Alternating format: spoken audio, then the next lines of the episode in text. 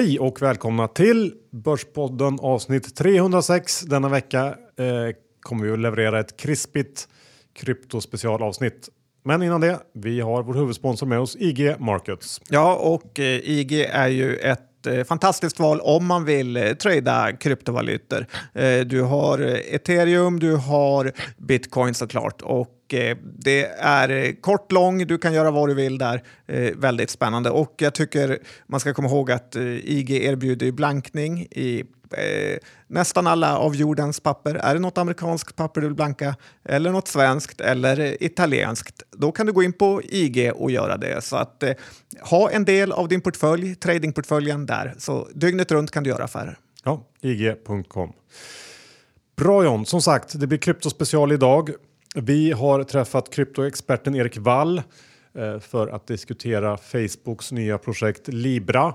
Eh, intressant diskussion med Erik som jag har full koll på det här. Um, ja, det, det är någonting som jag tycker att man ska försöka sätta sig in i för det kan komma att förändra eh, rätt mycket faktiskt.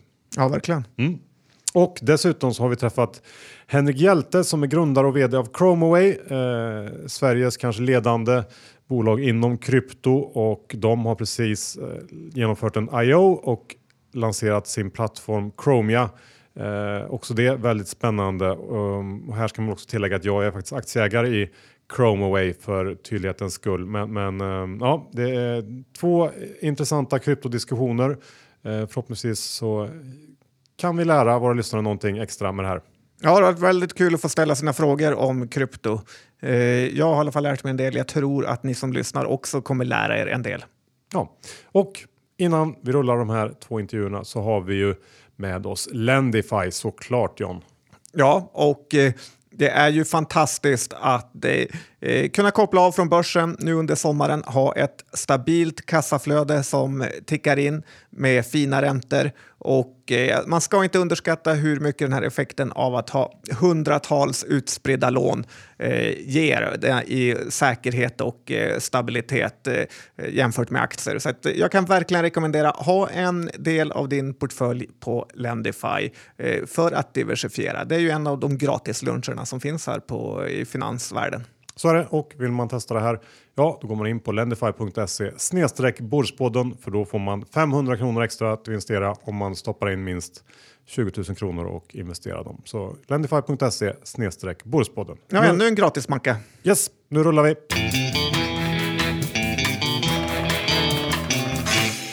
Då säger vi välkommen till Henrik Hjälte, eh, vd och grundare av Chromaway eh, till Börspodden. Tack så hemskt mycket. Medgrundare, om man ska vara noggrann. Då. Exakt. Eh, kul att du ville komma hit. Det har ju, eh, intresset för, för krypto och blockkedjan har ju eh, tagit fart igen nu under våren och eh, ja, eh, många som, som vill veta mer om det här och därför tyckte vi att det kunde passa bra med en ett specialavsnitt eh, och träffa dig. För du, eh, Chromaway är ju ett av de främsta bolagen i Sverige inom den här, det här området. Ehm, du kan väl berätta lite grann om, eh, börja berätta lite grann om dig själv kanske och eh, hur du kom in på det här. Eh, ja, alltså jag började ju programmera som 12-åring och läste datavetenskap först men hoppade av och började plugga i slutändan nationalekonomi i Uppsala och lite samhällsvetenskap och liknande saker. Sen jobbade jag som finans och IT-konsult och men sen ville jag bli entreprenör så jag startade en webbstartup eh, som gick sådär. Eh, och det är runt, runt 2000 eller? ja, kring ru- runt 2000, ja, precis efter. Och vad, skulle, vad gjorde ni?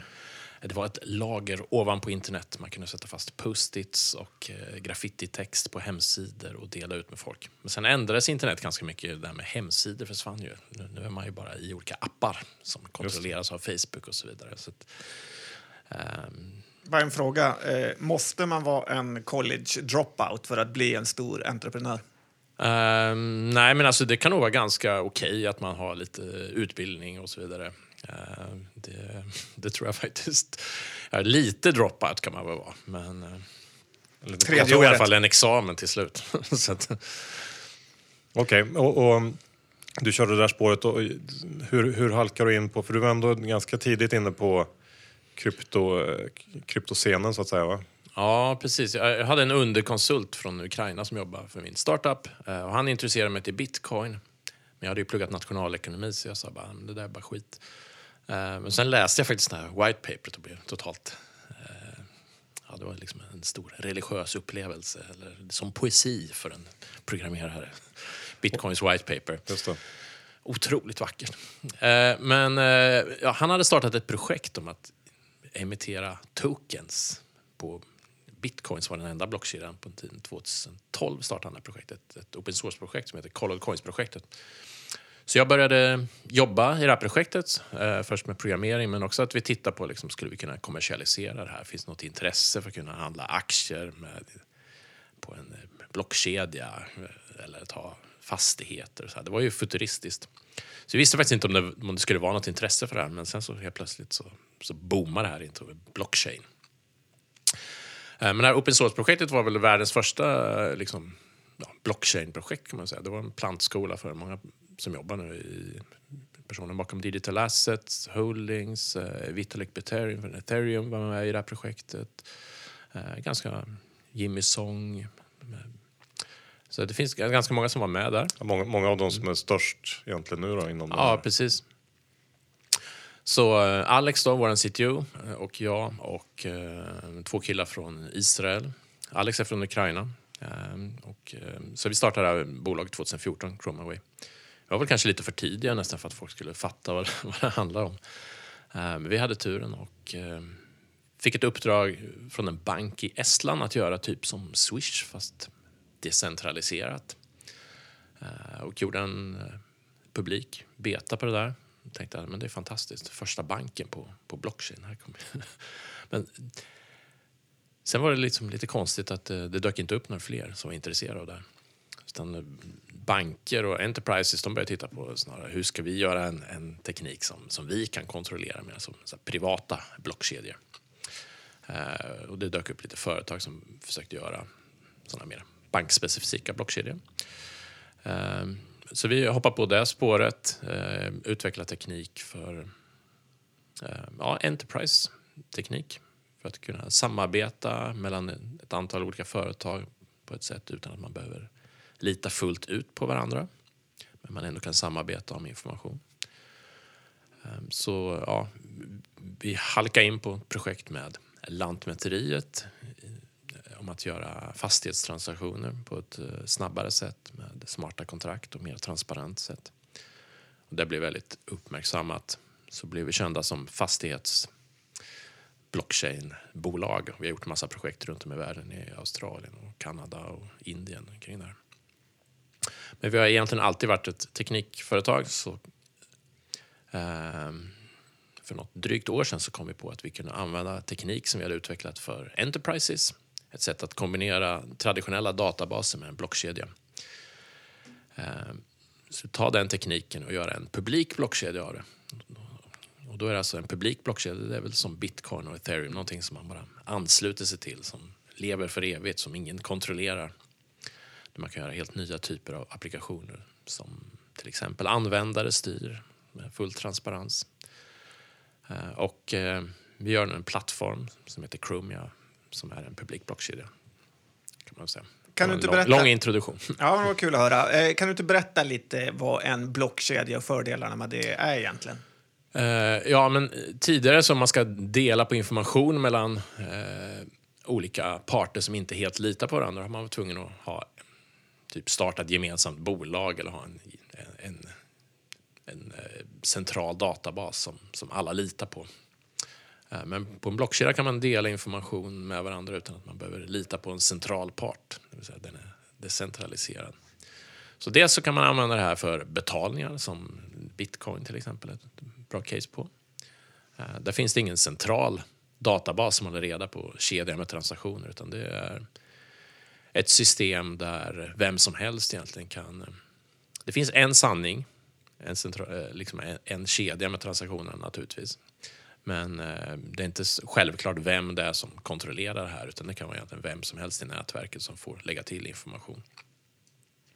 Men man kan ändå göra det här på ett säkert sätt. Det hade blivit lite komplicerat om hur bitcoin funkar. Men blockkedja är ett nytt sätt att skapa säkra system som inte en enskild part kan kontrollera över. Man kan tänka sig hur världen ser ut nu så är det ju sociala nätverk som kontrolleras av ett amerikanskt företag som kontrolleras av amerikanska staten i slutändan.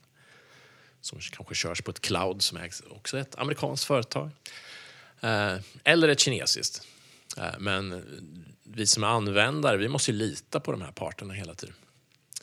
Eh, eller så litar vi på banken som i sin tur litar på politiker. Och det kan vi tycka att det är okej här i Sverige men det är inte så lika roligt i Sydamerika när man har hyperinflation och litar på att eh, pengarna har ett värde. Så där har ju bitcoin blivit intressant i Sydamerika. Det, det är ingen som ifrågasätter varför man skulle äga en kryptovaluta som har liksom är mer stabil. Det finns, finns ingen som kan ändra så att det blir hyperinflation eller tar konstiga eh, beslut. Den är designad för att, för att eh, inte, inte ha sådana effekter helt enkelt. Men det är skillnaden jämfört med att betala med pengar skulle jag säga. Att eh, ja, eh, egentligen är det ingen skillnad om man kan, eh, det är stabila banker som här i Sverige, eller vad? Ja, precis. Men eh, hur, hur länge vet man att det är så? Då? Det är inte självklart. Det kommer nya politiker. Vi kanske inte hade förutsett oss att Trump skulle komma till makten till exempel och kanske införa handelskrig eller vad som händer. Så det kan ju hända saker i ett samhälle.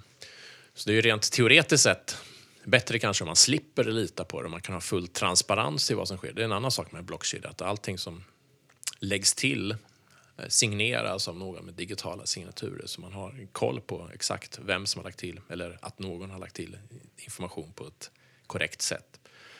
Det kan man använda för system som, som klarar korruptionsrisker bättre, som jag har gjort i Indien, ett projekt om att liksom ha ett, ett landregister som eh, är svårare att korrumpera därför att allting loggas på ett bra sätt. Eh, och ingen enskild part har kontroll över det. Man kan till exempel koppla upp revisionsbyråer som ser i realtid vad som läggs in eller eh, medborgarna kanske kan läsa vad som sker hela tiden i de politiska systemen. Men kan du inte förklara det där djupare? För jag tycker det är så fruktansvärt att förstå att det är samtidigt anonymt, men ändå kan man logga allt. Ja, bitcoin är ju anonymt, eller pseudo-anonymt på så sätt. Du ser inte vem det är som har lagt information. Du ser att en viss, eh, en viss eh, slumpmässigt genererad kod har lagt in ett antal eh, betalningar. Så man kan ju gissa sig till ibland vad som sker. Om någon har, har köpt någonting på 7-Eleven på en viss eh, adress och så vidare och gjort någonting efteråt så kan man ju dra vissa slutsatser kanske. Eller hand, kom, följa pengar från en handelsplats. Det är pseudo-anonymt kan man säga. Eh, och eh, ja, så det, det, går att spåra vad som har hänt. Och eh, vad var frågan egentligen? Om det varför det är öppet? Eller, ja, men bara en följdfråga till mm. det där. Så att om vi säger att mm. bitcoin mm. finns i hundra år framåt mm. eller andra kryptovalutor, då kan man se att idag så gick en kille in och handlade en dosa snus på 7-Eleven. Kan man då följa typ som att vad den hundralappen har varit med om för hundra år senare? Ja, precis. Det, det, det är egentligen en...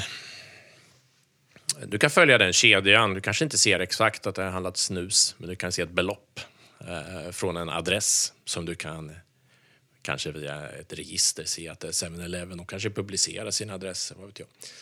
Uh, och sen så i princip kan man följa sen urminnes tider allting som har skett från ett konto. Så man kan ju nu se att den personen eller gruppen som startade bitcoin har pengar som är fastlåsta, som inte har rörts, så finns där bara. Till exempel. Så man, det kan vara ganska spännande historik att följa. Just det. Och det här går och sen då inte att ändra på något sätt? Utan det är det väl, eh, finns det väl i blockkedjan så, så, så ligger det där. Ja, man kan inte gå in och liksom radera information hur som helst. För att radera information så gör man en någon slags ändringstransaktion, men den loggas ju också. Så att, eh, eh, det gäller till exempel ett, ett system för ett eh, fastighetsregister. Det räcker inte att muta någon lokal politiker att gå in och ändra informationen. Det kommer synas att den här personen har gått in och lagt in en ändringstransaktion som, som ger äganderätten till, till min granne. Så det, det är inte helt lätt att bara gå in och smyga, smyga in information. Men ändå kan man stjäla bitcoin lite fram och tillbaka som man läser, eller kryptovalutor. Hur, hur går det ihop med att det är så säkert? Nej, men det kan man ju egentligen inte. Det, det som har hänt är att folk har litat på central handelsplats och någon exchange som har tillgång till dina nycklar. Eh, så, så att det är egentligen de som har blivit hackade. Gör man på ett rätt sätt, det vill säga har koll på det, sina nycklar för att ha åtkomst till sin valuta själv, då, då, blir man inte hackad. Det har inte hänt hittills med, med bitcoin att det har varit något sånt säkerhetsproblem egentligen. Vad, vad, säger du till dem då som tycker att, att, um, att det, det fortfarande så finns det ju ganska få eller, eller ja, kanske inga egentliga liksom, use cases eller användningsområden eh, där det här funkar bättre än, än att använda en, en, central databas kanske eller en, en, ja, någonting som vi i dagsläget redan har. Ehm. Ja, men jag håller inte riktigt med. Eh, dels så har vi det här med inflationsscenariot i, i, Sydamerika. Att kunna ha en valuta som är oberoende av eh, vad stater och politiker säger. I synnerhet när man har eh, hög korruption och, och ja, en valuta som helt enkelt inte funkar. Så det, det är ett ganska bra case. Eh, sen har vi eh, liksom hela visionen kring blockchain att skapa system som inte kontrolleras av en enskild part som kanske kontrolleras av användare eller befolkningen. Och vi har hela den här debatten kring, kring Facebook och Twitter som, som äger all vår information och säljer det vidare och så vidare. Eh, men blockkedja skulle man kunna tänka sig att man kan skapa ett system där till exempel användarna måste rösta igenom förändringar i systemet. Användarna kanske kan eh, rösta vilka som kan eh, censurera inlägg och ta bort liksom, olämpligt material. Men blir det då den med mest, eh, ja då säger vi bitcoin, som får bestämma vad man ska göra, att den rikast bestämmer? Nej, det kan man ju designa på olika sätt. Det behöver inte vara så att den rikaste bestämmer. Kan ha en, eh, precis som du kan designa olika demokratiska system i ett land så kan du designa olika demokratiska system på en blockkedja. Man kan säga att applikationer styr ganska mycket av våra liv nu. De här Twitter, Facebook. Eh, det här är ett sätt att eh, man kan designa nya sådana system där användarna har större inflytande. Man kan också designa nya typer av företag där eh, en, en, gammal vision där arbetarna liksom vet hur mycket de får ut. Man kan skapa man kan se till exempel när du söker ett jobb att jag, om jag jobbar mina timmar så kommer jag få, få min lön, för lönen är garanterad i den här koden. Jag kan se att pengarna finns på ett konto. De kan inte röras av något annat än utav för löneutbetalningar.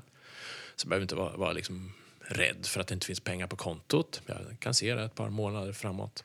Eh, man kan också se kanske till exempel hur mycket, hur mycket kan ägarna ta ut från företaget. För Det står också i programkod. Man kan också kanske se hur företaget styrs genom olika typer av omröstningar. För Det står också i programkoden precis hur allting fungerar decentraliserade organisationer. Det börjar dyka upp nu på internet, folk i olika projekt då, där man kan eh, eh hjälpa till på olika sätt. Där det är transparent hur betalningar sker och hur, eh, hur projekten drivs. Men kommer man aldrig någonsin kunna hacka sönder bitcoin? Jag menar, vad är det som gör det omöjligt att alltså det, finns, det finns ju en del attackvektorer som är kända. Typ 51 procent attacken om man lyckas ta över de som... De här Bitcoin styrs i princip av den som äger mest datorkraft. Men nu är det ju utspritt hos olika aktörer eh, som äger en liten del av datorkraften. Men om man lyckas få över 51 procent av datorkraften då kan man göra vissa attacker då, mot bitcoin i princip sänka, sänka systemet. Eh, det som är bra dock är att det finns ofta en historik av vad som har skett innan. Så ibland kan man ju se att nu har det skett något konstigt och vi enas om att vi ska gå vidare på ett nytt sätt. Eh, det behöver inte vara katastrof bara att det blir en sån här attack. Det kan sänka värdet naturligtvis, men eh, ofta finns det sätt att gå vidare. Eh, så det finns kända attacker på, på, på bitcoin och på ethereum och så vidare. Så det är en hela tiden en diskussion om vad är det för säkerhetsnivå man kräver. Men det finns ju ganska kända attacker mot ett samhälle också. Så här, vill vi störa ut svenska systemet, det är väl ett par datorhallar som man ska bomba ut. Sen är det lite svårt att betala här i landet. Så det är en känd attack. Eh, det, det kan ju vara hackingattacker också mot, eh, mot centrala system. Det kan vara problem med outsourcing till eh, olika länder. Eh, Jo, men jag menar främst om man kan radera ut all info från en sån här bitcoin-transaktion. Ja, du kan ju inte radera all information för det är spritt hos, hos många olika parter runt om i hela världen. Det finns ju alltid någon som har en, en kedja av vad som har hänt. Så du kan inte radera information, du kan inte skriva om bakåt i tiden. Men säg att jag har en bitcoin på mitt USB-minne. Ja. Kan... Och sen eh, hackar någon den eller raderar den. Eh, det går inte, eller? Alltså du, du har egentligen inte dina bitcoin på ett USB-minne. Dina bitcoin finns i det här systemet där du har din nyckel till att få åtkomst och kunna bestämma hur du vill göra med din bitcoin, att skicka den vidare till någon annan, det vill säga göra en betalning. Då behöver man en, en digital nyckel för att göra det här och den kan man bli av med, den kan raderas och så vidare. Men man kan också i princip skriva ner det på en, på en papperslapp och låsa in i, i ett eh, kassaskåp någonstans. Hur kunnig tycker du jag verkar vara inom eh, krypto? Ja, men du, du är helt okej, tror jag. Det, det, är väl, eh, det, det är inte helt lätt det här. Eh, Och, och på något sätt... Det är väl alltid när det gäller teknik, vilken nivå ska man förstå någonting på? Om man ska börja förklara internet. Nu när det gäller bitcoin, så får man ofta, eller blockchain, så får man ofta eh, försöka förklara allting i detalj från början. Men det är ingen som förväntar sig att bara för att du tycker att du är internetspecialist att du kan hela hur TCP/IP-stacken ser ut. Eh, Du kanske inte ens vet vad en TCP/IP och nätverksstacken Jag vet, men jag vill inte prata om det nu. Men, nej, precis. Eh, Så att eh, på något sätt, det kanske inte är helt nödvändigt att man kan eh, elliptisk kurvkryptografi för att, för att kunna eh, förstå hur det funkar heller. Man får på något sätt ta någonting för givet. Eh, Men Men en grej jag tänker på också som är lika bra. Det här med att värdet fluktuerar så mycket på eh, kryptovalutorna. Vad säger du om det? Nej, men det är väl ganska naturligt i början av någonting. Att tillgång och efterfrågan kan gå upp och ner. Det finns ingen... Det finns ju sidan ingen politiker som kan gå in och stabilisera valutan som i sin tur kan ha effekter på den. Så att, eh, det är ju utbud och efterfrågan. Jag skulle tro att volatiliteten har gått ner och på kort sikt så är det inte så jättestort problem ska jag säga. Eh, Vi använder ju betalningar ibland i kryptovalutor. Det är inte i, att vi är jätterädda att det ska hända någonting på de 15 minuter det tar att skicka det runt om i världen. Har du någon riktkurs på till exempel bitcoin? Nej, det har jag inte. Eh, Det är, jag har väl gett några investeringstips när man ska köpa bitcoin som har varit väldigt framgångsrika, men jag ska inte ge några sådana här idag. Det, det är upp till, till var och en när man ska köpa vad man tror av det. Men det är, det är en högrisk... eh, Ett högrisk Men om vi säger så här då? instrument fortfarande. Det får man väl vara medveten om. Jo, det kan man säga. Men är den värd mer eller mindre än 10 000 dollar per bitcoin? Nej, men jag tror att det kommer vara värt mer. Ja, det, jag tror att det kommer gå upp på sikt. Hur, hur ser du på eh, Facebooks uppmärksammade Libra-projekt som, som det snackas mycket om på slutet? Ja, det är intressant. Nu sitter jag och dissar Facebook eh, eh, samtidigt som de skapar något liknande, en, en kryptovaluta. Som, Man får dissa konkurrenter. ja, precis. Eh, nej, vi konkurrerar inte direkt med dem, men, eh, ja, men det, det är intressant. Vi pratade faktiskt med dem 2014, så hade vi ganska många diskussioner med dem. Då var vi ju liksom först med betalningar med, på någonting som inte var bitcoin, med, med tokens. Så de har hållit på ganska länge och, och, och funderat på hur de ska göra. Så det är ett nytt typ av betalningsmedel. Det är väl eh, en valuta. Men det säger sig självt att det är, det är lite begränsat perspektiv ska jag väl säga. Att när, när det är ett antal storföretag, liksom monopoler, monopolisternas egen valuta, är det så mycket bättre än, eh, stat, statsmonopolen. Det kanske är lite sämre egentligen med tanke på att de inte är demokratiskt uppbyggda. Så att jag var ganska skeptisk till att det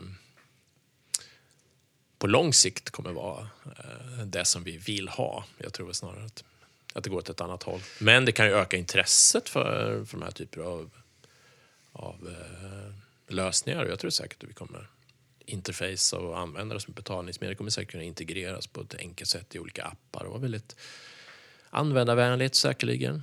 Ja, det känns som att det kan vara, bli en, en ganska intressant inkörsport till, för, för den stora massan på något sätt in till, till krypto. Ja, men det är, det är också bara betalningar. Det är fortfarande frågan om hur, hur styrs applikationerna? Vem har kontroll över de sociala nätverken och de politiska regler som ligger bakom? Varför tillåts våld i sociala medier men inte nakenhet till exempel? Var kommer de värderingarna ifrån? Hur styrs det? Liksom, ska vi låta hela världen vara beroende av, av, av det här utan något slags demokratiskt inflytande ifrån oss som är konsumenter? Men är det inte lite överskattat det här med att Facebook har all makt? Jag menar, man loggar in där, tittar lite på bilder och skriver någon uppdatering att nu har jag varit eh, och dansat runt midsommarstången. Och sen lägger man ner. Måste man liksom dra ut det som att Facebook kontrollerar allt eh, man har gjort i hela världen? Nej, det beror väl på vad man tycker, eh, tycker själv om, om situationen. Jag kan ju tycka att eh, jag är inte helt bekväm med, med situationen. Har du Facebook så. själv? Jag har, men jag har inte varit aktiv nu på sju Så månader säger, tror så jag. säger alla. Ja. Man får väl ändå, ändå säga att de hade haft ett hyfsat stort finger med i spelet i, i många av de senaste uppmärksammade liksom valresultat som vi har sett runt om i världen ändå. Eh, på ett eller annat sätt. Kanske. Ja. ehm, hur, hur, jag tänkte vi kan gå in lite mer på, på ert senaste projekt, den stora grejen egentligen, Chromia, er plattform för att utverka, eller utveckla dappar på. Kan du inte berätta lite om, om, eh, om den? Ja, men det, det, är- det är mer det här perspektivet, inte betalningar i främsta hand. Man kan ju använda betalningar. Vi har, jag har faktiskt en egen valuta där också. Men eh, det är mer det här perspektivet hur man kan skapa riktigt decentraliserade applikationer. Nya typer av sociala nätverk men också enterprise-applikationer som är man kan säga som ett, ett, ett säkrare cloud där det inte finns en enskild cloud-operatör som heller kan stänga ner saker. Du får gärna köra enkla versioner. Enterprise. men så- Ja, men säg att eh, just nu om du vill skapa en applikation, Eh, Facebook eller Twitter eller eh, egentligen vad som helst, så, så läggs det ofta ut på, hos en extern leverantör av datakraft. Typ Amazon eller så vidare. Ett cloud. Eh, det här kan man säga, det är ett cloud där man kör applikationer men där det inte finns en enskild part som kan stänga ner det. Istället för att du säger att det här körs hos ett företag så säger du att den här applikationen kommer köras hos 20 företag i olika länder med, eh, som inte samarbetar med varandra. Det blir väldigt svårt att stänga ner din applikation då för en, utav en politiker eller utav ett enskilt företag och så vidare. Det kommer leva i princip så länge en majoritet kan köra systemet. Så att det, räcker inte med ett krig i ett land för, att- för att eh, det kommer köras i ett annat land och så vidare. Så det är ett väldigt säkert system eh, för att eh, köra applikationen. Och eh, alltså, det som är unikt med vår blockkedja är att vi kombinerar en traditionell databas med en blockkedja så det är väldigt enkelt att programmera. Så lika lätt som det var att göra Facebook en gång i tiden för Mark Zuckerberg att ta lite POP och lite MySQL och hacka ihop en, en sajt. Lika lätt ska det vara att göra en decentraliserad och det här har varit applikation. problem innan eller hur, hur har det sett ut? Ja, men det, det har funnits en vision om att vi ska kunna skapa såna här decentraliserade organisationer som arbetarna styr över. Olika typer av omröstningar, sociala nätverk, decentraliserade spel. Men det har varit väldigt svårt i praktiken att se. Det har tagit väldigt lång tid. Vi- Vi tror att det beror på att eh, verktygen helt enkelt inte har varit kraftfulla nog för att kunna göra sådana typer av applikationer. Om man tittar på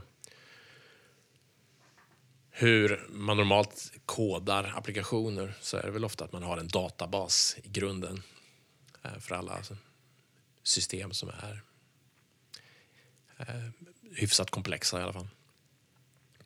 Och eh, det, de verktygen har inte funnits på blockkedjan tidigare egentligen. Jag tänker det inte lätt, eller problem att eh, man inte kan stänga ner saker. Säg att till exempel Al-Qaida startar en app vad de ska hitta på och eh, sen går det inte att stänga ner för den finns i 20 olika länder. Ja, det kan vara eh, ett problem. Det, det är precis som, eh, som, demokratier kan ha problem. Det kan, det kan ju vara ett problem.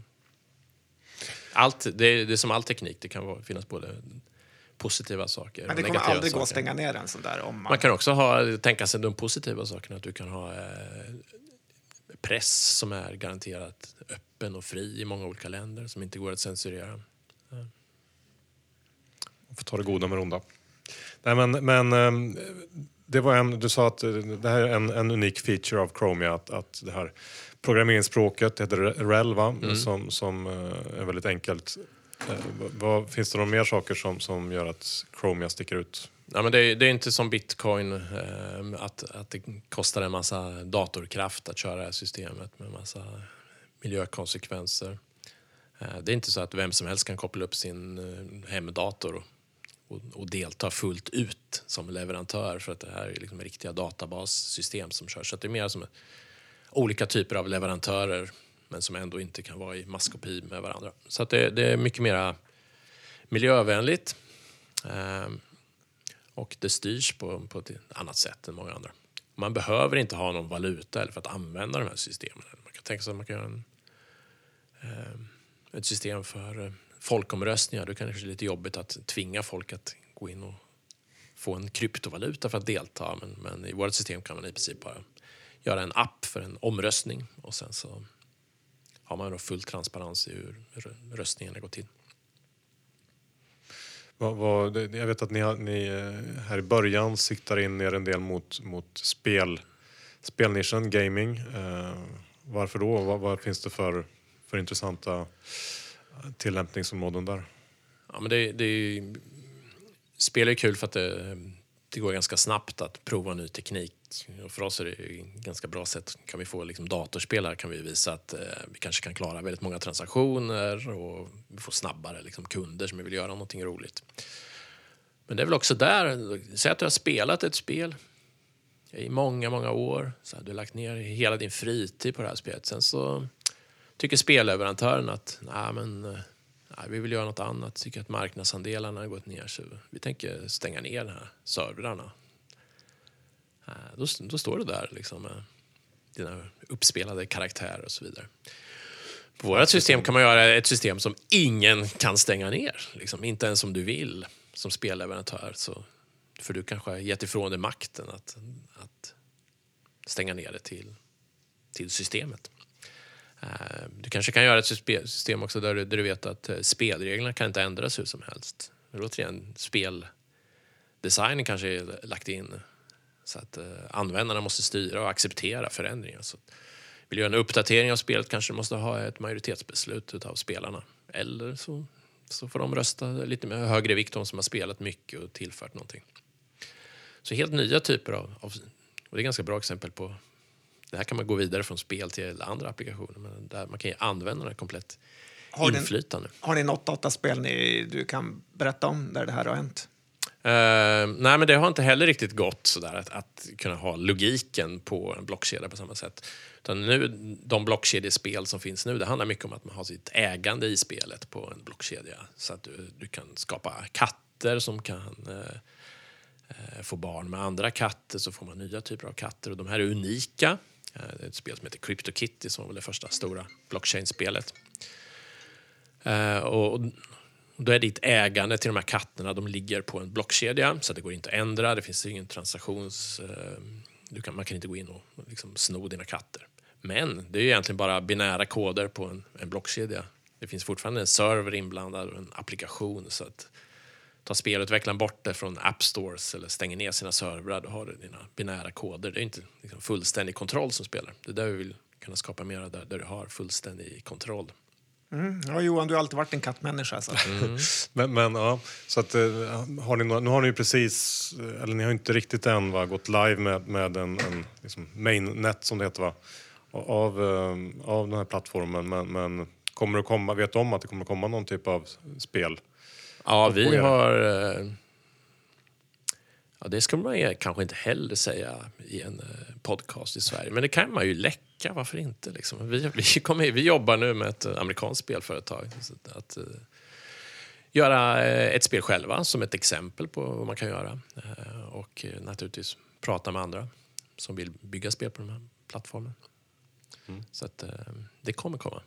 Men också andra typer av enterprise-applikationer. Du var inne på Twitter förut. Det är också ett bra ett decentraliserat Twitter. Det är någon slags um, exempel, bra exempel på vad man kan bygga. Ja, vi har gjort det som en exempelapp nu då. Egentligen ett decentraliserat forum, diskussionsforum. Där, eh, ehm, som är egentligen fullständigt transparent och, och liksom kört på en blockkedja med hela logiken. Sånt där har varit ganska svårt att göra med annan typ av blockkedjeteknik men vi har det som en demo för att det är relativt enkelt att göra med vårt system. Men, men en typ av kritik som ofta dyker upp i, i blockkedjesammanhang är ju att det, det, det, skalar väldigt dåligt. Det är svårt att, att uh, få till den biten och, och det gör att, att ja, det, det, mesta man har byggt har blivit ganska ja, kast med, med, med dagens mått mätt så att säga. Ja, och det har varit eh, ett problem med, då, med bitcoin och med ethereum. Ehm, dels så att alla transaktioner ligger i samma blockkedja. Liksom. Kan tänka sig alla, alla kaffebetalningar i hela världen ska ligga i samma blockkedja. Och dessutom att varje kaffebetalning ska konfirmeras av tusen olika datorer runt om i hela världen och skickas information fram och tillbaka. Det är, det är både dyrt och inte så jätteskalbart. Det förstår egentligen vem som helst. Ehm, men de här nya typer av blockkedjor som till exempel Chromia är en exempel av, där, där är det inte en blockkedja för allting utan du, varje applikation har en, en, en egen blockkedja som kanske körs på tio datorer utav god kapacitet. Så det är inte så...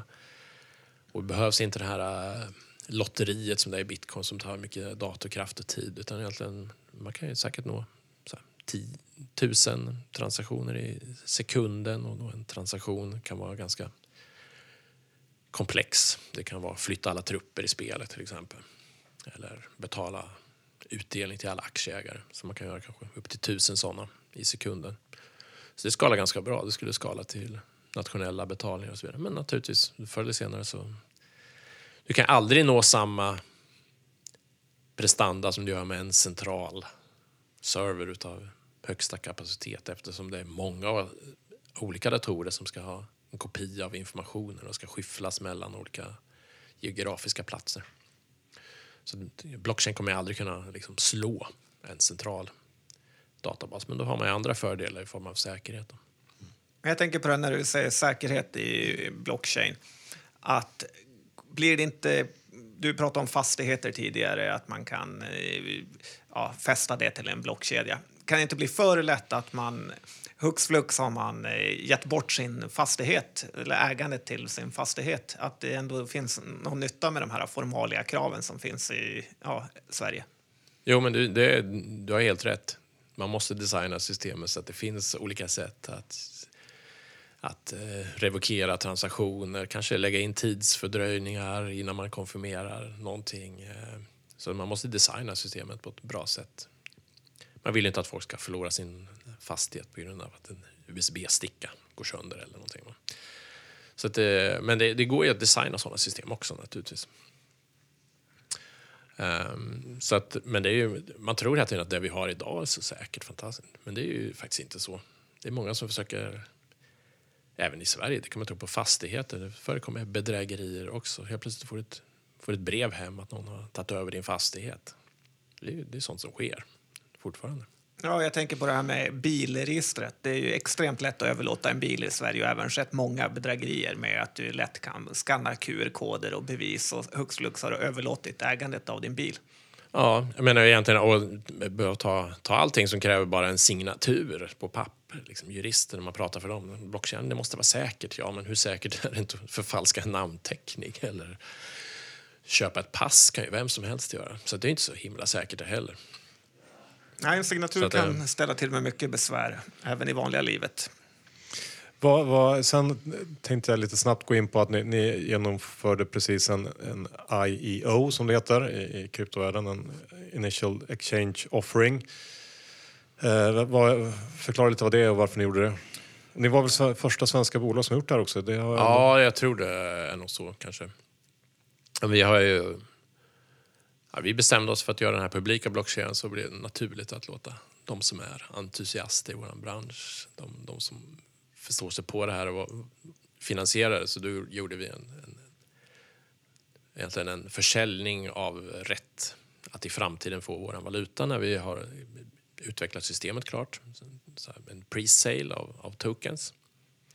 Eh, till skillnad från det här begreppet man kanske hört, en del har hört i alla fall, ICO, det är ju mer en publik försäljning. Det här var mer en privat försäljning till, i vårt nätverk. Eh, men så, så, var det många som tyckte att ja, men varför fick inte jag vara med och köpa i den här privata försäljningen? Så då gjorde vi en, en mera publik i samband med att vi lanserar vår valuta på en börs. Att man, egentligen ett lotteri som mer eller mindre allmänheten kunde delta i. Initial Exchange Offering, IEO. Så att, eh, då sålde vi lite mer till... Så det här var... Och det var här nu i, i maj, va? Ja, precis. Mm. Så nu finns det ett, ett, pris på den här valutan. Och man kan Som heter på. Chroma, va? Ja, precis. Den ska heta Chroma. Och, och, eh, ja, precis. Och, och vad... för, kommer det finnas massa olika valutor i världen sen i olika, som heter olika saker? Eller hur kommer det ja, det finns ett par tusen eh, som är listade på Coinmarket Cap till exempel. Så att, eh... Kommer det inte vara lättare med att till exempel att man använder dollar eller att vi har ju gått från olika europeiska valutor till en till euron. Många företag har gillat det. Kommer det här inte vara någon typ av återgång till där man har valutakursförluster och problem att handla med varandra. Ja, men du kan göra det ganska smidigt också. Handels. Och sen så kan det vara så att en valuta är inte bara en valuta som du kan ha till vad som helst utan har en specifik funktion. Eh, så att, eh, för, för vad använder man, till exempel i ett fall, vad använder man er, er token, er valuta till? Alltså den ingår som en, en kritisk moment i vårt system. Man använder för att betala för att köra applikationer, betala för den här molntjänsten, datorkraften. Eh, man kan också ha det för att flytta eh, tillgångar mellan olika applikationer. Så när du sålt ditt hus så kan du köpa spelmarker för det. Rekommenderas inte. vad, vad, eh, framöver då, vad, vad, vad, tror du om, om ja, dels vad, vad har du för förhoppningar på, på Chromia om vi börjar där? Eh, men vi hoppas väl kunna eh, marschera på topplistan av eh, system som man använder och liksom vara ett av de topp top 10. Det vill vara vårt mål. Um, vi ligger ganska långt därifrån nu, men det kanske beror delvis på att vi inte har lanserat den. Men... Och när kommer, när kommer... Ja, men det kommer i sommar. kommer det börja och sen så kommer det bli mer och mer intressant när man visar upp de applikationer man har, när man kan visa mera hur smidigt och enkelt det är och skapa applikationer. Så det, det, blir... Om man vill testa någon av era dappar sen när de väl eller mm. de dappar som utvecklas på er plattform, hur, hur, hur ska man hålla koll på det? Uh, nej, men vi har en, en, en så här, ett nyhetsbrev man kan prenumerera på på Chromia-sidan. Uh, där kommer vi skicka ut nyheter om, om sånt där. Man har redan kunnat signa upp och vara med i första testet av det sociala nätverket, det forumet vi har gjort. Men det är väl stängt nu egentligen för, för testare. Ja, Henrik, eh, det börjar eh, dra ihop sig som vi säger här i Börspodden. Har du några eh, slutgiltiga ord du vill eh, liksom förmedla här om krypto och eh, ja, vad säger du? Vad kan du avsluta samtalet med? Ja, men eh, jag tycker absolut att ni ska söka jobb hos oss. det, det är väl, Hur stor eh, chans har jag att få jobb mellan tummen och pek? Ja, men du kanske kan jobba med affärsutveckling. Där söker vi folk. Eh, marknadsföring, folk som gillar här, digital marknadsföring eh, och vill ha utmaningar. Men också nummer, liksom räknenisse kanske som är intresserad av eh, att jag tror jag inte John är riktigt rätt person. Men... Struktur på, på ett snabbväxande startup. Mm, du är en av få som överskattar mig. Kul att höra. Nej, men vad, om man, du söker alltså folk. Vad ja. behöver man, bör man ha för utbildning för att klara av kryptojobbet?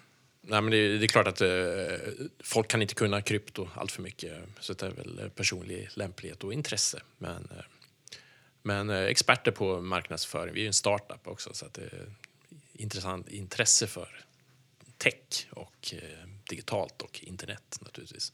Marknadsföring och affärsutveckling. Mm, bra att bidra till att Sverige får ett eh, kryptoföretag av världsklass. Då går man in på er hemsida som är? Eh, ja, chromaway.com eller chromia.com. Bra! Och med det så tackar vi väl dig Henrik för att du kom förbi och, och förkovra oss lite i, i kryptons underbara värld. Och eh, så håller vi koll på, på de här dapparna som ska komma, komma ut här under, under året. Jättekul att vara här. Tack så mycket.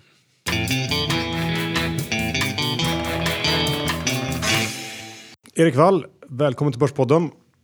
Tack ska du ha. Du är ju hyfsat känd då som kryptoexpert även för, för börsmänniskor. Du var Sinobörs, eh, ja, vad var det egentligen? Du var eh, ansvarig för deras eh, kryptoverksamhet kan man säga va? Ja, precis. Jag hade huvudansvaret för deras blockkedje och kryptovalutasatsningar där under två och ett halvt år. Ja, och nu har du lämnat den positionen, håller på med lite, lite hemliga projekt som vi inte kommer att ta upp mer just nu. Just det. Ja.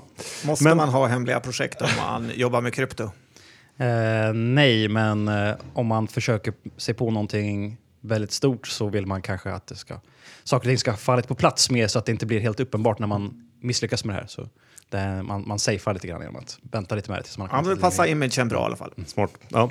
Eh, Du är här idag för att snacka lite krypto eh, generellt, bitcoin, men framförallt eh, den här eh, Libra, Facebooks Eh, nya påhitt. Men vi kan väl börja lite bara om, om bitcoin. Eh, Förra veckan när jag kontaktade dig så kanske bitcoin stod eh, i 8-9 tusen. Nu har det ju hänt ganska mycket på kort tid. Eh, kan vi bara få någon snabb liten take på vad som har hänt? Uh, ja, ehm, det, som, det som har varit annorlunda med den senaste tidens uppgång, uh, vi har kunnat se i siffror, är att det är inte rekordvolymer som sker på Coinbase och de här retail-börserna, alltså inte, inte små, bar, småsparare som skick, skjuter in rekordmycket kapital just nu. Men det är rekordmycket kapital som skjuts in från institutionella placerare. Så CMEs kontrakt, Chicago Mercantile Exchange och eh, eh, Bitwise Grayscale eh, instrument, GBTC. Eh, det är alltså instrument som man kan hålla i en, en vanlig portfölj utan att behöva hålla några Eh, riktiga bitcoins. De här instrumenten har eh, nått rekordvolymer och det som har lett upp hela, hela vägen till 10 000 dollar.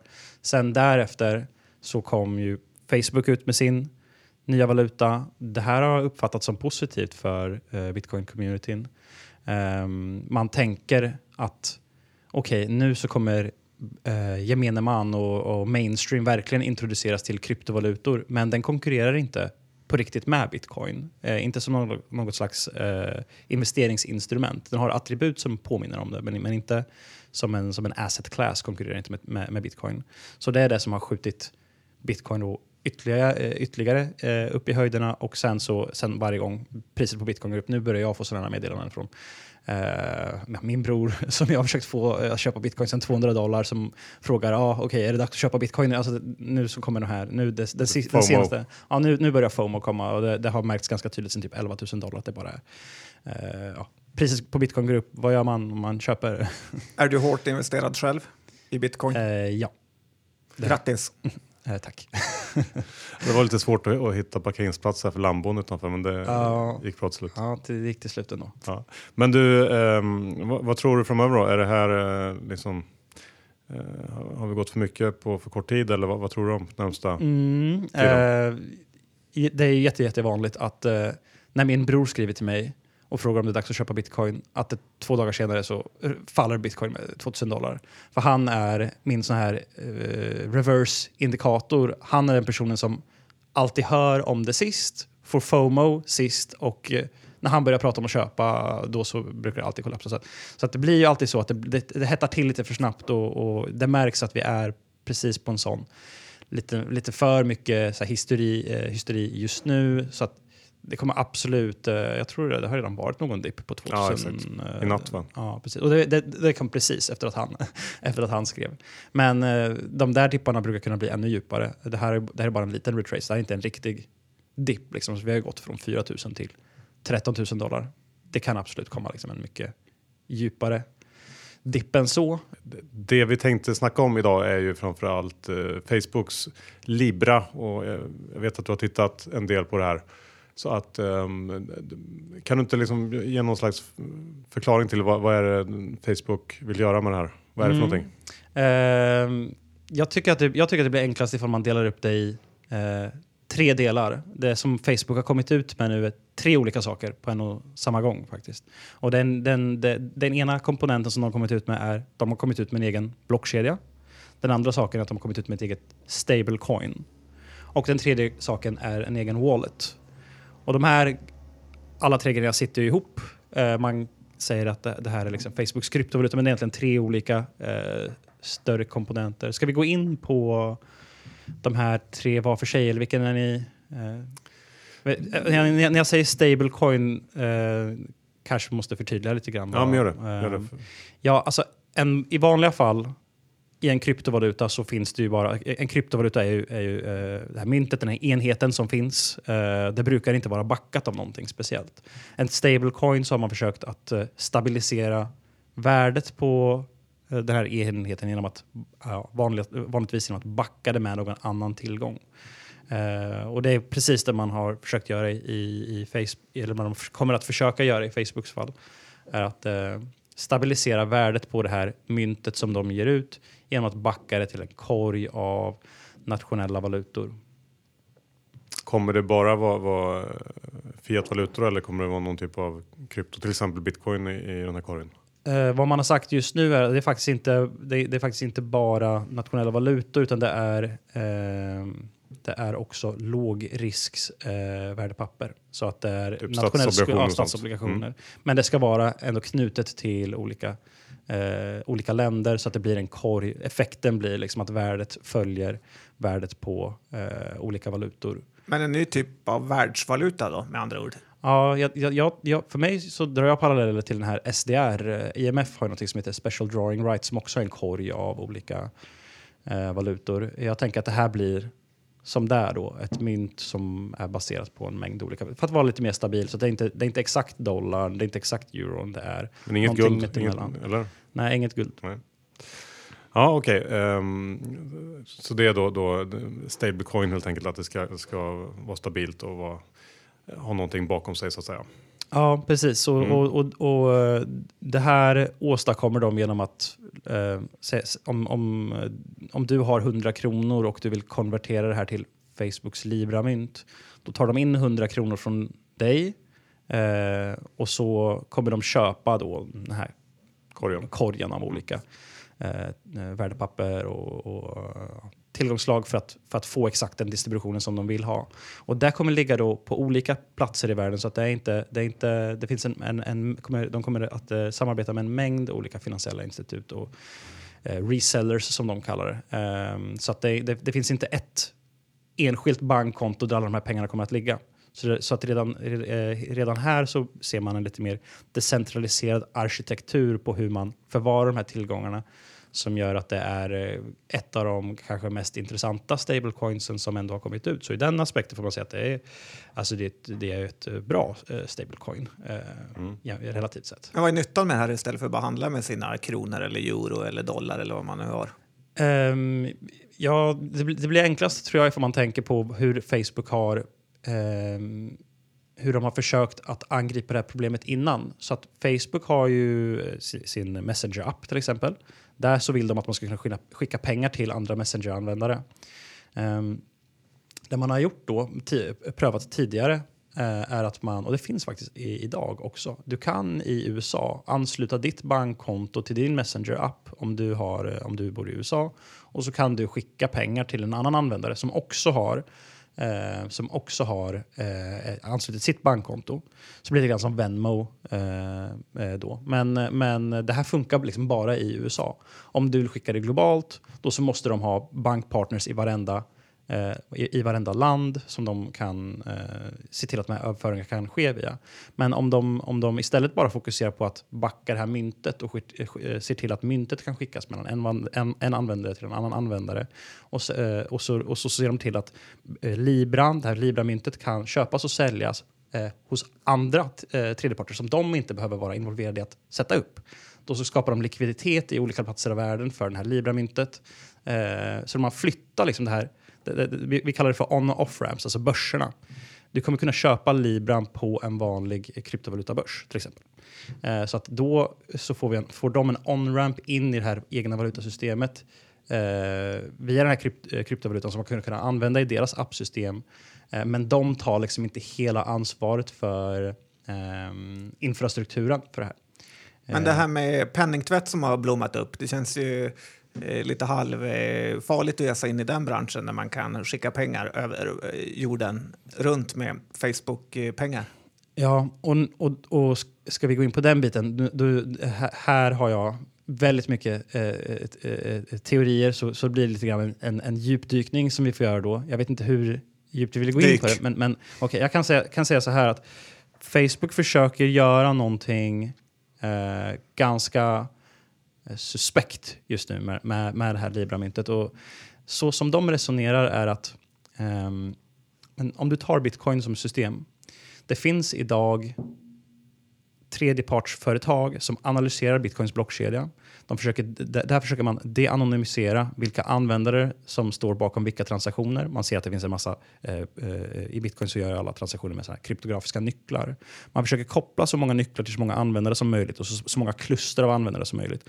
Och eh, så försöker man då att eh, kunna, kunna hävda att eh, Eh, mm, den här transaktionen har eh, spår till till exempel darknet-verksamhet. Därför så ska vi, när vi får en transaktion från den här användaren, så ska vi eh, belamra den användaren med, med, med eh, vi ska begära dokumentation då från den här personen för att se vart eh, mynten kommer ifrån. Så att det man har lyckats åstadkomma i och med att bitcoins blockkedja är transparent. Den är inte, den är inte, den är inte helt anonym utan det är, eh, man kan tänka på bitcoins blockkedja som ett register där det finns en massa kryptografiska identiteter, alltså tänk ett bankkontonummer, men man ser inte namnet på någon, man ser bara de här olika eh, numren och man ser vilka transaktioner de gör, man ser beloppet, man ser när de gör transaktionerna.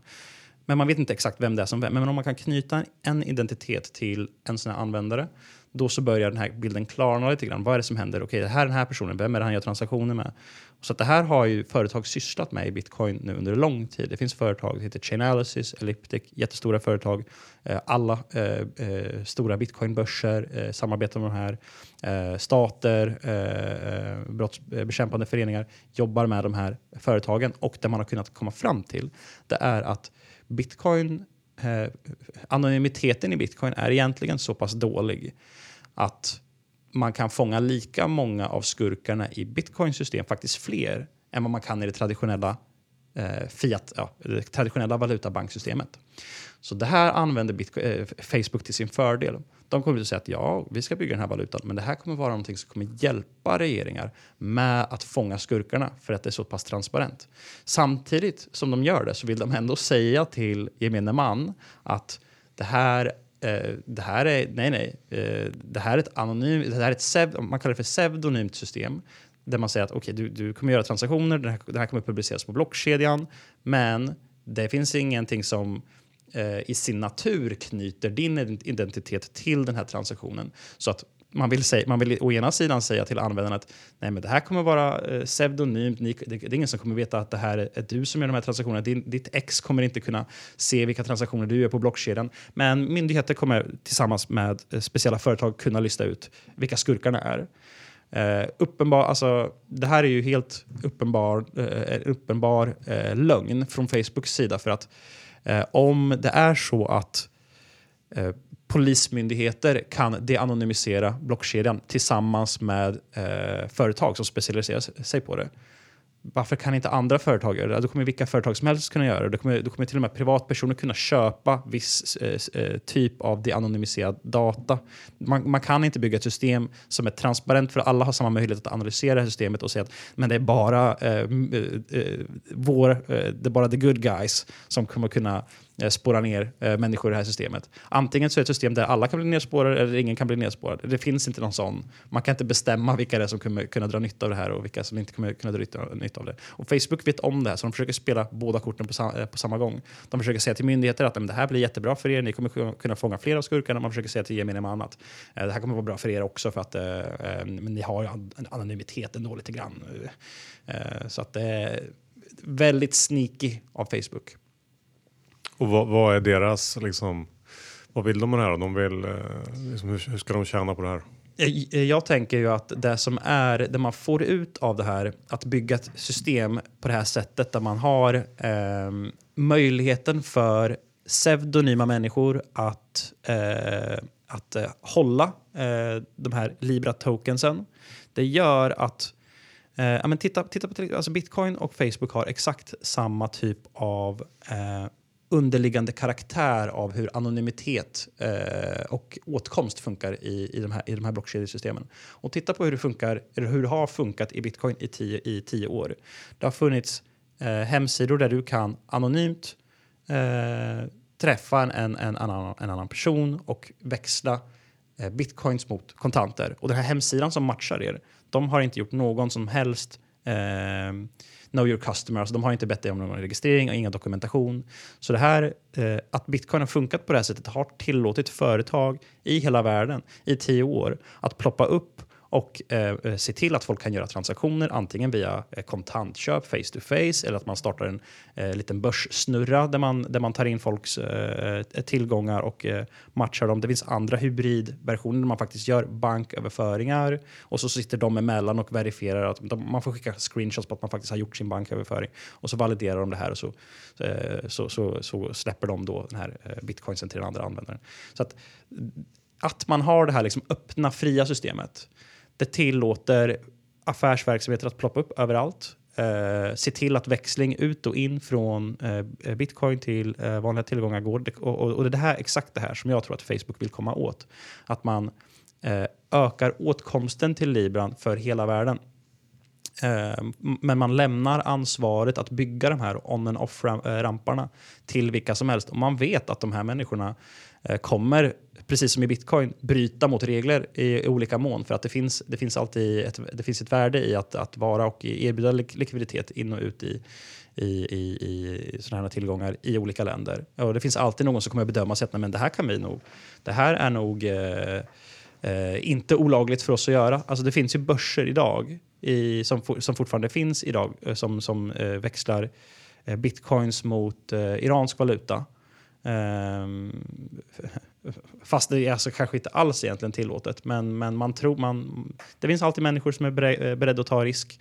Eh, de här människorna blir liksom nyttiga idioter. Jag tänker att Facebook vill ha så många nyttiga idioter som hjälper dem att sprida sin valuta så mycket som möjligt utan att Facebook är de som de hamnar inte under luppen här utan det blir de här företagen. Det är de som säljer Libra tokens eh, och Facebook är inte, är inte skyldiga här. Liksom. Så, så det är så de försöker.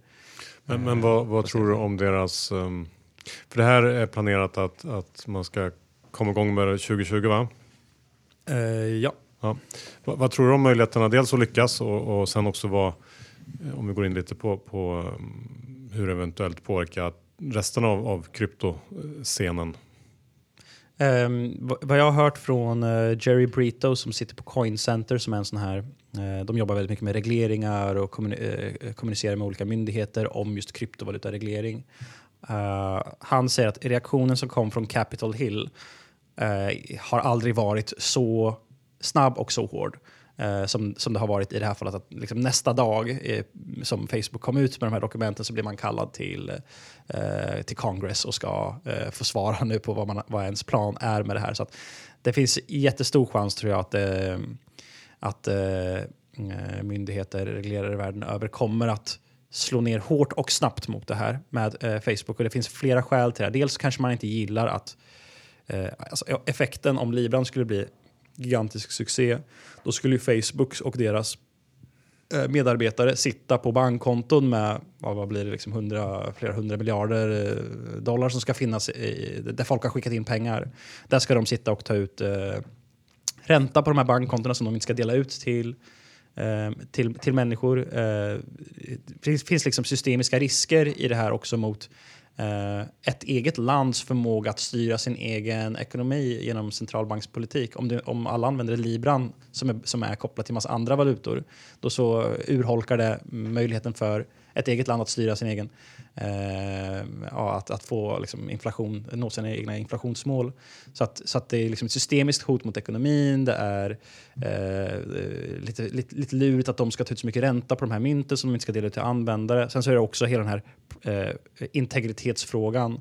Eh, att mm, ja, precis det som jag var inne på tidigare, att det här, kommer det här tillåta eh, företag att eh, Eh, få data om alla transaktioner personer, det har, har de i och för sig redan gjort idag med, med, med eh, bankkort och så. Men, men det här öppnar upp det liksom alla människors data för alla företag som är intresserade av att, uh, att uh, spionera på blockkedjan. Så att det finns en mängd olika grejer där som jag kan tänka mig att myndigheter inte gillar och kommer att använda. Jag tror att deras största anledning till att de inte kommer att, att de inte gillar Libran är ju det här.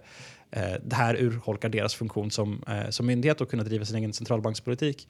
Men man kommer kanske försöka använda argument från så här, men vi står upp för folket och våra integritetsrättigheter och därför är det här ingen bra idé. Och Facebook har ju väldigt dåligt rykte också i allting som har med användarintegritet att göra. Så kommer man försöka förbjuda det och få det att verka som att det här var någonting som de, de eh, att myndigheten ställde, ställde upp för oss. Men i själva verket så kommer de rädda sitt eget skinn för att man är lite grann rädd för den här libran. Så ser jag på det.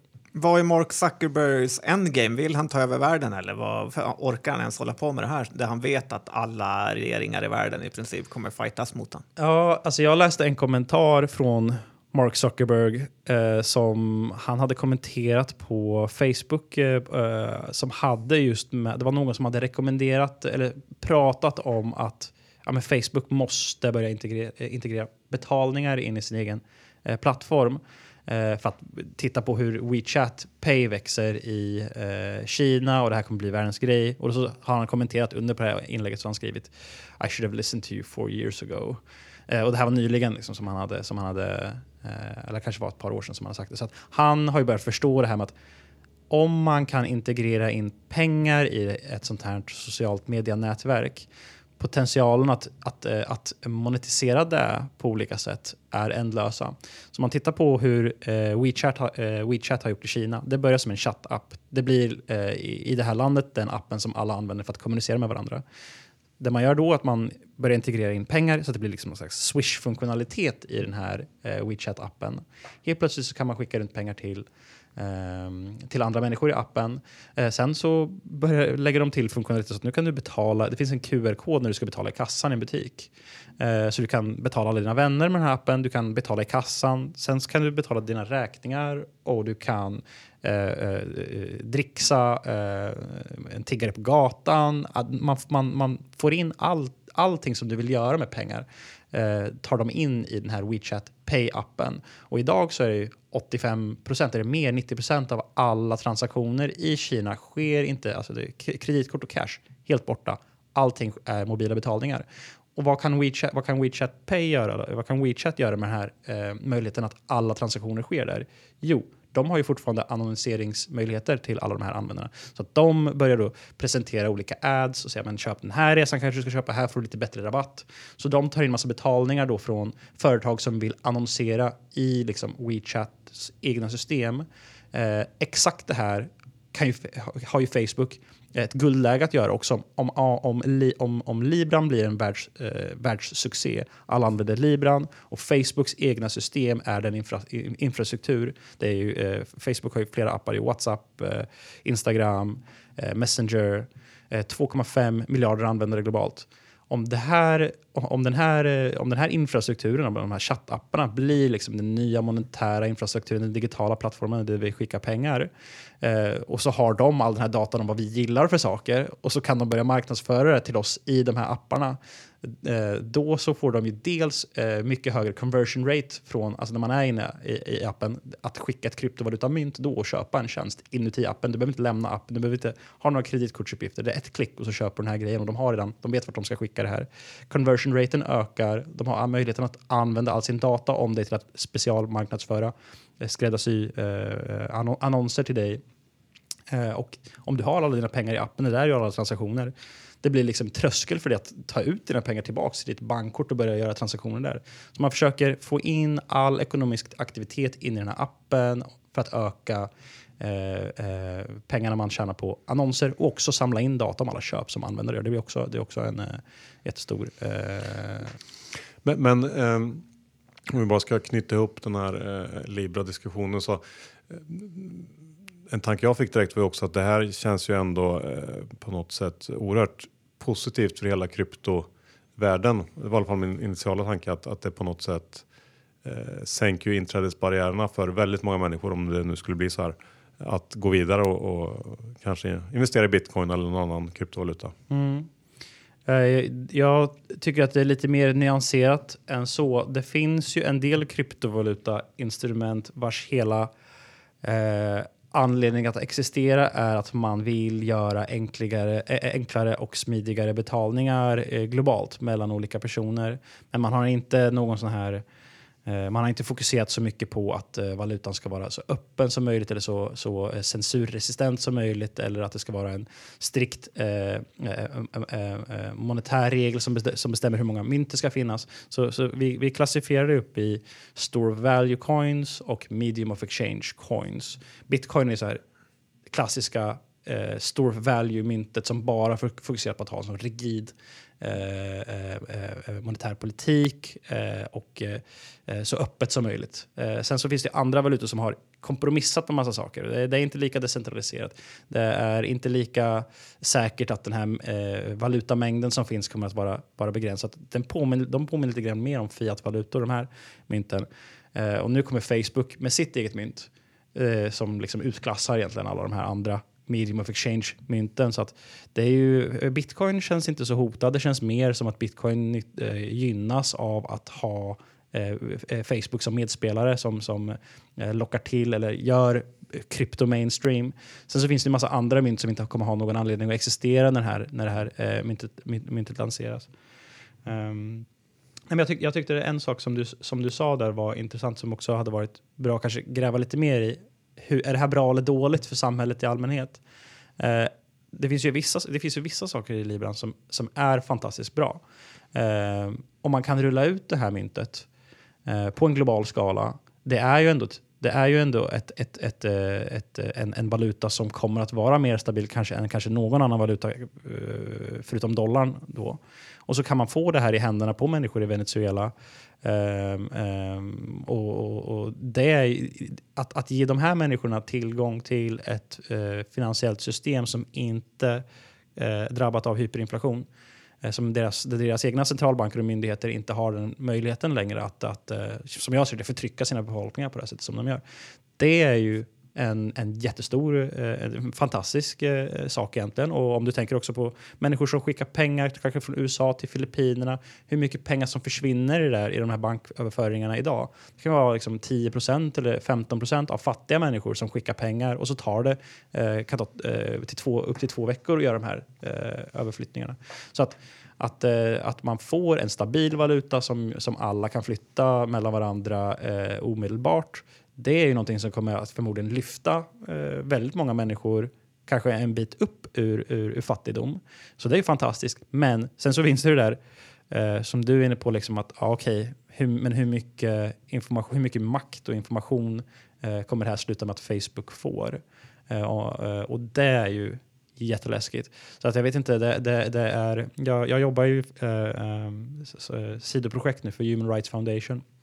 Eh, där vi har tittat på att erbjuda bitcoin till människor, eller introducera bitcoin till, till människor i de här länderna för att lyfta dem ur eh, eh finansiellt förtryck. Trada bitcoin. Ja, eller, men, men istället för att ha Bolivar, ha bitcoin och eh, det här är någonting som du kan flytta ut ur landet eh, när, när, om, om du behöver utan att de kan ta de här pengarna från dig när, när du går över gränsen. Eh, så att, eh, där, där ser vi liksom att det finns ett, ett, ett, ett riktigt värde för människorättsorganisationer eh, att kunna hjälpa människor i de här utsatta eh, länderna. Men det finns hela tiden den här läskiga aspekten till att Facebook får för mycket makt. Och Eh, så det är, det, är, frågan ifall man vill gå ner, gå ner den här vägen. Jag tycker ju att det eh, hade varit bättre att, eh, att Facebook inte fick vara med i den här kakan och vi fortsatte att ta fram kryptovalutor för de här människorna. Rena kryptovalutor som inte är Facebook. Ehm. Men det farligaste är då att man får annonser presenterade för sig, eller vilken är makten tänkte du att de har? Ja, alltså när, du- när du lägger fram det så att det bara liksom, ja okej, det blev lite annorlunda. Men nej, det är ju att de har all information om dig. De vet allting vad du gör och eh, om man bara tittar på ur ett historiskt perspektiv. Vad händer när något multicorporational, alltså megacorp eh, får för mycket makt? Det, det, det, det leder till eh, negativa konsekvenser för, eh, för människor. Det kan, de, de kan utnyttja den här makten till att eh, Eh, eh, välja att utesluta dig ur det här systemet. och kanske tycker att ah, amen, du, eh, din politiska åskådning är inte någonting som hör hemma i vårt system. Du blir utesluten. Dina eh, ekonomiska, eh, din ekonomiska portal elimineras. Till exempel det som hände med Wikileaks. Eh, eh, eh amerikansk, amerikanska staten be, eh, bedömer att Julian Assange inte att han är en fiende mot USA. Man stryper eh, Visa och Mastercard. Han kan inte längre, längre få några pengar. Amerikanska staten blir liksom en maktfaktor eh, i den ekonomiska världen där de egentligen kanske inte har så mycket att göra. Eh, den här kontrollen över det finansiella systemet måste man eh, sprida ut mycket mer. Och eh, om vi har ett Facebook coin där de som Eh, de som avgör vilka transaktioner som ska få gå igenom och inte är bara en rad av olika företag som alla har eh, stort ekonomiskt intresse i USA där de fortfarande kan, den amerikanska staten kan fortfarande liksom utpressa de här företagen att censurera vissa transaktioner. Då har vi, då har vi liksom jag, jag, tror att, att, att Facebooks eh, mynt, även att de använder en blockkedja, den här blockkedjan är decentraliserad. Får man in så mycket ekonomisk aktivitet i det här i den här världen och alla blir så beroende av den här arkitekturen. Och sen så har man ändå amerikanska staten som kan påverka eh, alla de här eh, medlemmarna. Då så, så blir det kanske värre på något sätt. Eh, okej, okay, vi har mer decentralisering men vi har bara ett system. Så det här systemet som är kanske mer decentraliserat blir så mycket viktigare. Eh, och klarar man av att censurera det här decentraliserade systemet så blir effekten och konsekvenserna av det så mycket eh, värre än vad vi har idag. Okej, vi har ju banker idag, men det är ändå eh, ett, ganska utspritt och rätt decentraliserat. Det finns ingen som kan, som, kan som kan censurera alla banker i hela världen idag. Det finns inte. Men hade alla använt Libran och det här hade varit allt som gjorde alla våra utlandstransaktioner med och transaktioner mellan vänner. Det, att, att, att kunna eh, eh, ja, eh, sätta klorna i det här systemet blir ju mycket saftigare, mycket eh, ja, eh, godare man, kaka för myndigheter. Att man kan ju bara starta ett nytt Facebook-konto. Har du tänkt på det?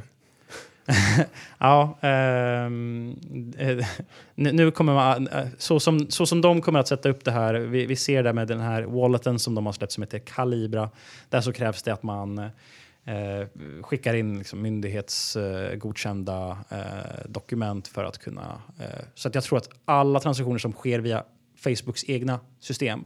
Där så kommer man behöva verifiera sig själv med eh, ID. Så att det går inte. En, en, en, en helt annan fråga. Eh, I början sa du att eh, Libra byggde på tre stenar. Det var liksom stablecoin och så blockkedjan. Och det jag funderar på, blockkedjan är ju inte känd för att leverera liksom fasligt många transaktioner per sekund till exempel. Det här systemet eller Libra, om det skulle funka, låter ju som att det skulle krävas ganska många eh, transaktioner eh, per sekund till exempel. Eh, ja, hur, hur, skulle man, hur skulle man få det att funka rent tekniskt? Eh, jo, alltså i och med att de ehm, ehm, kör en blockkedja som ska där man har hundra olika företag bara som ska eh, validera den här blockkedjan så är skalbarhetsproblemet mycket, en mycket enklare utmaning att lösa. Eh, och de har faktiskt, jag har gått igenom den tekniska dokumentationen och eh, jag tycker att de har gjort ett ganska bra jobb med att välja ut konsensusalgoritmer eh, som, som, som är liksom top notch idag i, i, i den här kategorin eh, konsensusalgoritmer där man vet vilka som ska delta i konsensusalgoritmen innan. Det är det som är den stora skillnaden mellan, mellan, mellan bitcoin och de här öppna systemen. Att där kan vem som helst delta. Men, okay. men, men, de, men, där, där i alla fall så har man, så har man sagt att eh, man eh, bedömer att man kommer kunna göra tusen transaktioner per sekund. Inte jättemycket, men kanske tillräckligt mycket för att det blir liksom en, en iterativ process. Man börjar med tusen transaktioner per sekund. Och sen får man ja. lösa det. Ja, sen så kommer man ju jobba mer på det här. Och det här går ju framåt hela tiden, den här, hur många transaktioner per sekund man kan göra, mm. utvecklas. Så att antagligen kommer de kunna eh, möta eh, ja, alltså kapacitetsutmaningarna allt eftersom tiden. Ja. Eh, Eh, avslutningsvis, finns det någon tidsplan att ha koll på? Finns det några sådana här, ska de upp i hearing någonstans eller finns det, vad, vad, vad ska man hålla koll på? När, när eh, har inte stenkoll på exakta datum men jag tror att det är redan nästa månad som de ska på sitt första hearing eh, hos kongressen. Um, så där, då får vi veta lite mer uh, vad som sker där. Uh, sen annars så vet vi också att det, det de ska lansera först är i Indien. Eh, WhatsApp eh, användare i Indien ska, vara de första som ska introduceras till det här Libra-myntet. Så att det, det, kommer inte vara så att allting kommer hända på en gång utan de kommer eh, börja i olika regioner allt eftersom. Och, och, så att det kommer inte ske overnight alltihopa, men, men successivt. Spännande. Erik, stort tack för att du kom och snacka om det här med oss och Börsbondens lyssnare. Ja, absolut, ingen fara. Tack ska du ha.